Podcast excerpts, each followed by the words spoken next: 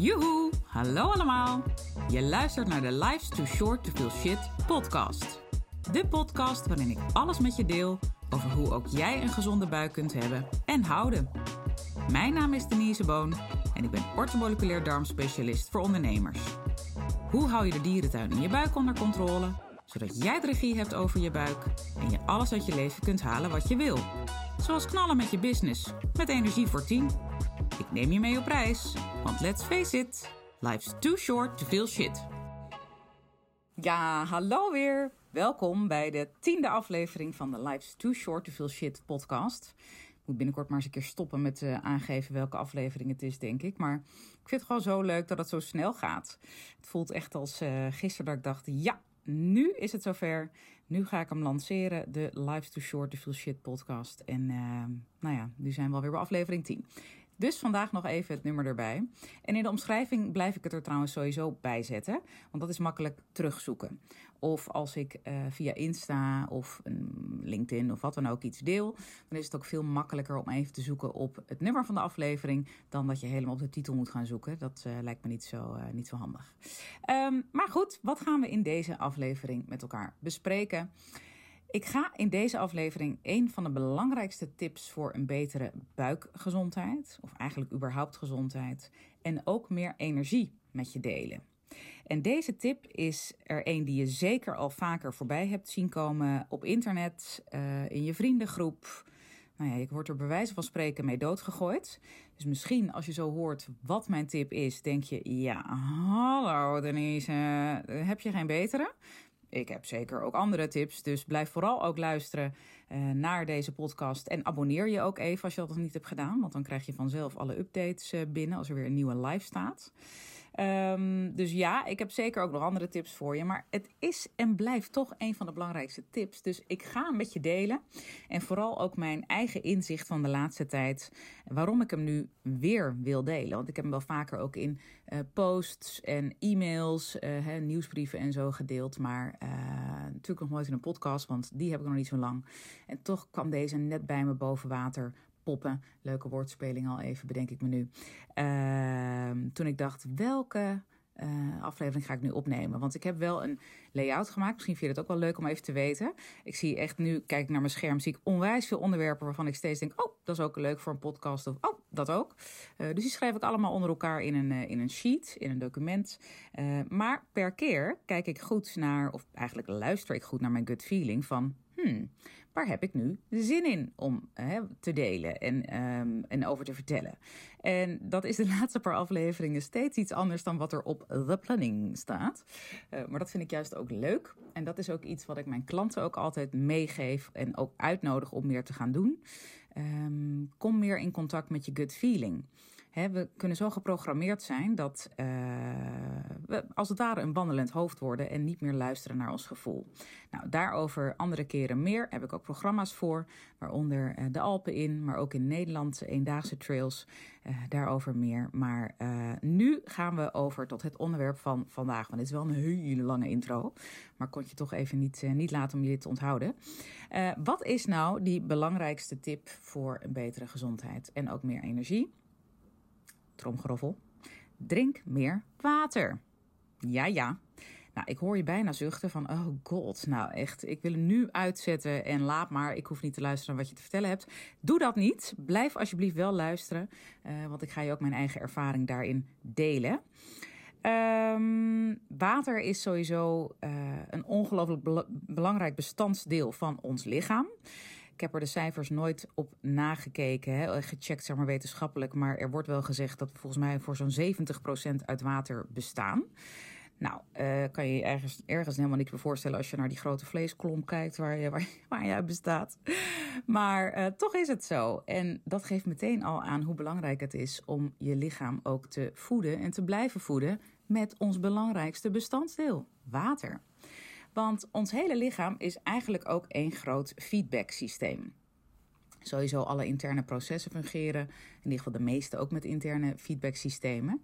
Maar uh, er gaat van alles in en er gaat ook van alles uit. Een grote recycle loop, zo kun je dat ook zien.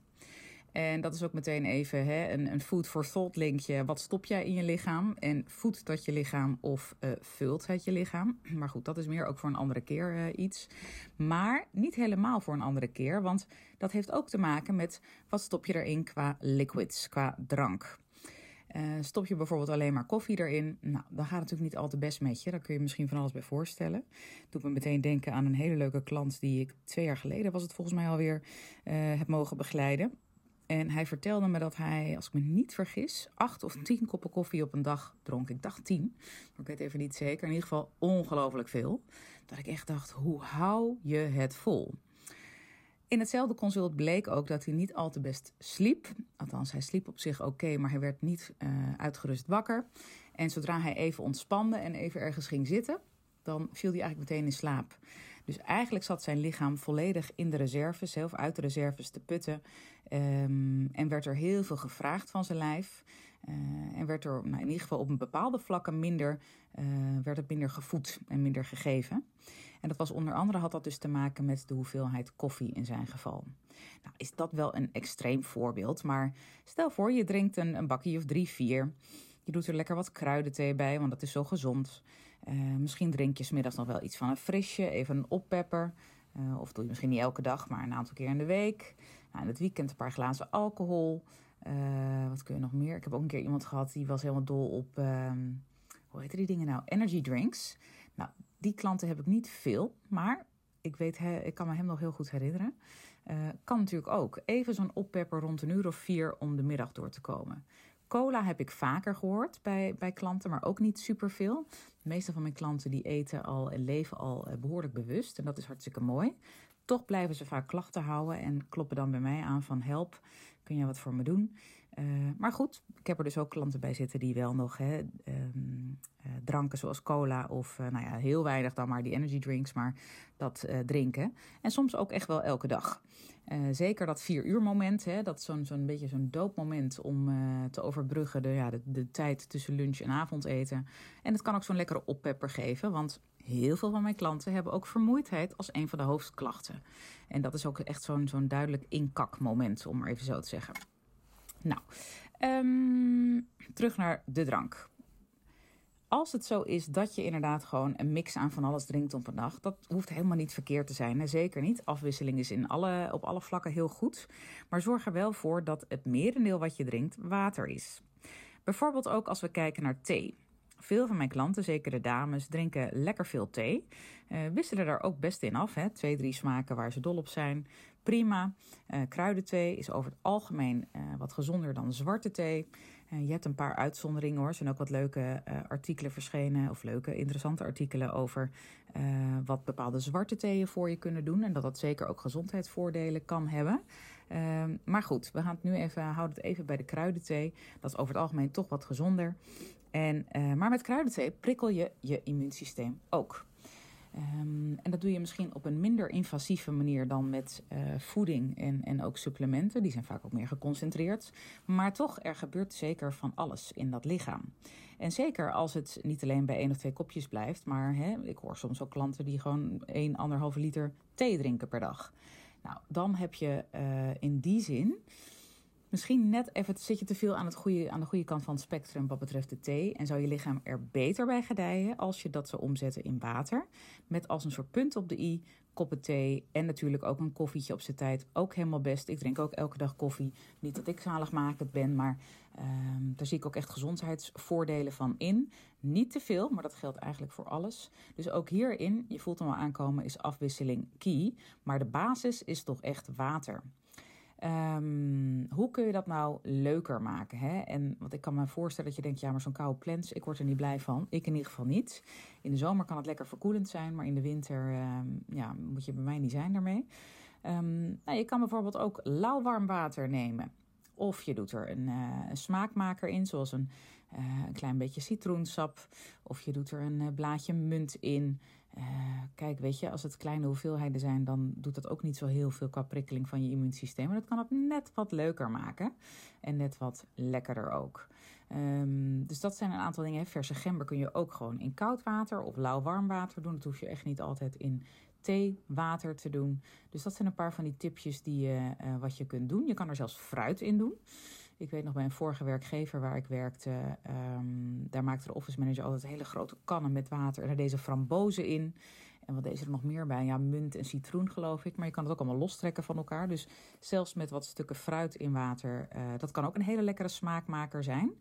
Uh, dus wees creatief, maar kijk vooral ook naar dingen als temperatuur. Niet alleen smaak, uh, wanneer je het drinkt. Dus stel voor jij wacht op je kop koffie voordat die gezet is giet dan even een paar glazen water achterover. Drink sowieso niet tijdens of vlak voor of vlak na het eten. Maar daarover heb ik volgens mij al een podcast opgenomen. Um, en er komt zeker binnenkort nog wel meer over. Het komt je vertering niet al te, al te goed. En in de aflevering waar we het over maagzuur gaan hebben, ga ik het zeker dat ook wel benoemen. Dus hou ook om die reden de podcast in de gaten. Um, dus dat zijn manieren waarop je het leuker kunt maken. En in het begin is het eigenlijk het belangrijkste om goed voor jezelf bij te houden. En dat hoeft echt niet in hele spreadsheets hoor. Maar uh, het bewustzijn van hoeveel water drink ik nu eigenlijk? Kun je ook op verschillende manieren doen. Bijvoorbeeld een bepaalde fles, hè, mooie waterfles uh, kopen waarvan je weet hoeveel inhoud erin zit. En eens even kijken aan het eind van de dag hoeveel van die flessen heb ik nou eigenlijk opgedronken. Of een karaf. Ik heb hier in mijn kantoor een, een karaf staan. En ook altijd een thermosfles met gekookt water. Dus ik vind het zelf heel lekker om dat te mengen, zodat ik wat minder koud water heb.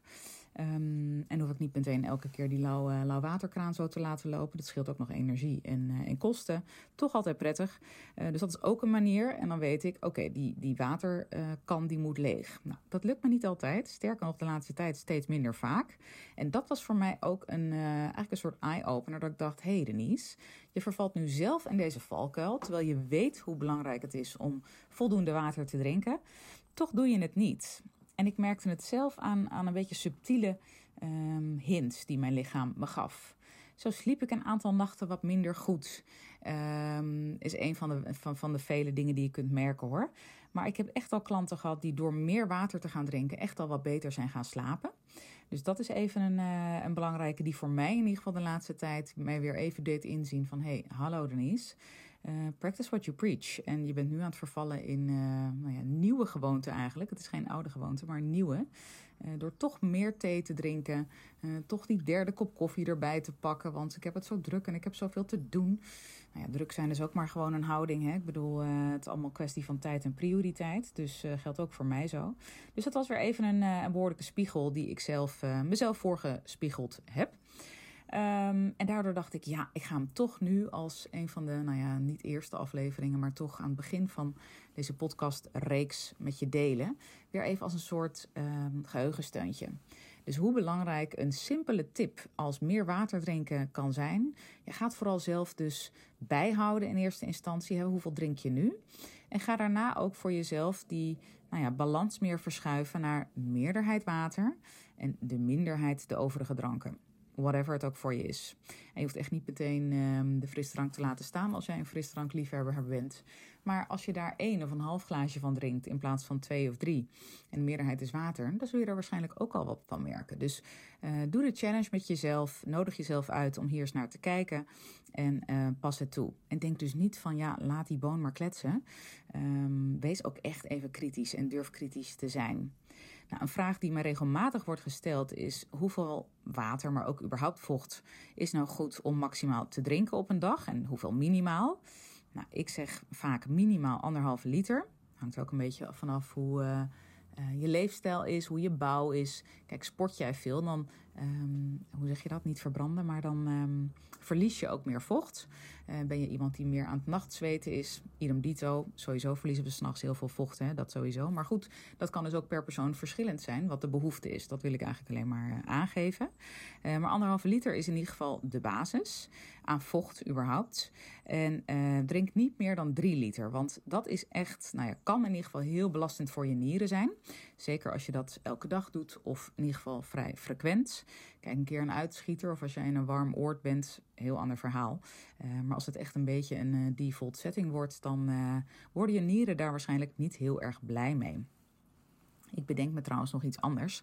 Nog een ander symptoom, een andere hint die jouw lichaam je kan geven dat je meer water mag gaan drinken, is als je urine heel erg sterk ruikt of heel geconcentreerd is. Dat het echt uh, nou ja, okergeel, soms kan het bijna wel bruin ogen. Als je echt je omkijkt en je schrik je rot qua urine, nou, dan weet je ook hoe laat het is. Het mag echt een stuk doorzichtiger zijn. En uh, ja, vooral tussen de maaltijden door lekker hè, uh, die waterkraan openzetten is heel erg gezond. Um, ik zit even te denken, heb ik nog meer wat ik hierin met je wil delen? Volgens mij heb ik de belangrijkste dingen wel met je gedeeld. Nou, wat doet water drinken zo al? Nou, ja, we hebben het al een klein beetje indirect besproken, hè, maar het hydrateert sowieso je cellen. Want ook daar hè, vindt de hele dag door uitwisseling plaats. Uh, je wil ook goed dat je lichaam goed afvalstoffen kan lozen. Dus uh, stoffen die het lichaam niet meer nodig heeft. Je lever speelt daar een hoofdrolspeler in.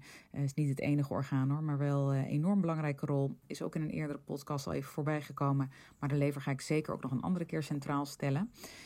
Dus als die stoffen allemaal zijn afgebroken tot stoffen die het lichaam kunnen verlaten, dan moeten ze ook wel het transport hebben om het te verlaten. En een belangrijk transportmiddel is ook vocht.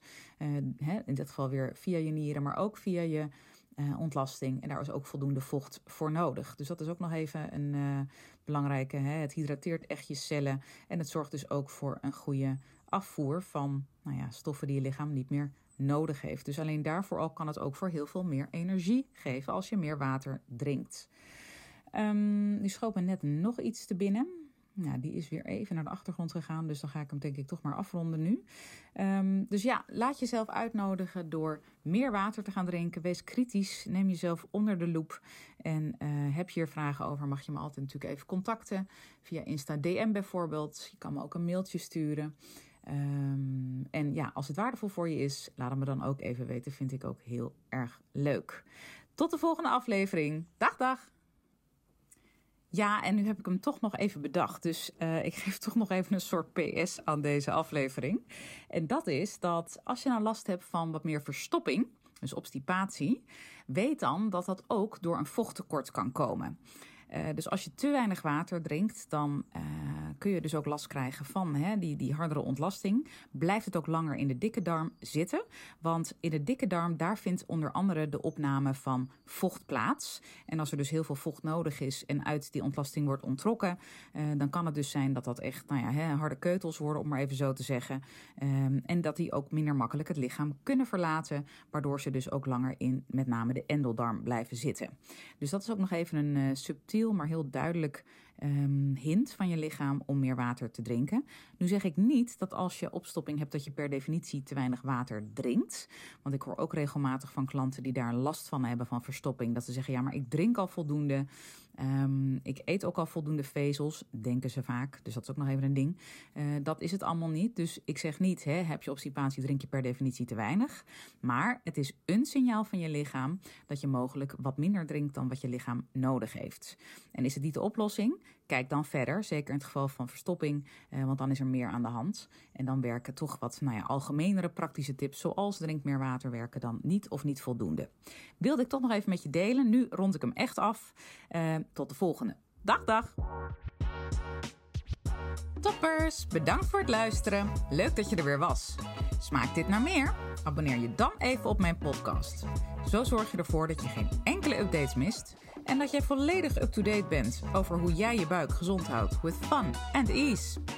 En als mijn afleveringen waardevol voor je zijn, laat hem dan even weten. Vind ik leuk. Je maakt me het meest blij met een korte review via iTunes of Spotify. Alleen het aantal sterren aangeven dat jij de podcast waard vindt is voldoende. Je kunt me ook taggen via Instagram. Bijvoorbeeld door een screenshot te maken van de aflevering en die via je verhalen te delen. Met beide dingen, zowel de rating als de screenshot van de aflevering, maak jij kans op een histamine maandmenu kookboek te waarde van 97 euro. De winnaar maken we bekend in de eerste podcast van de maand. Tot de volgende keer!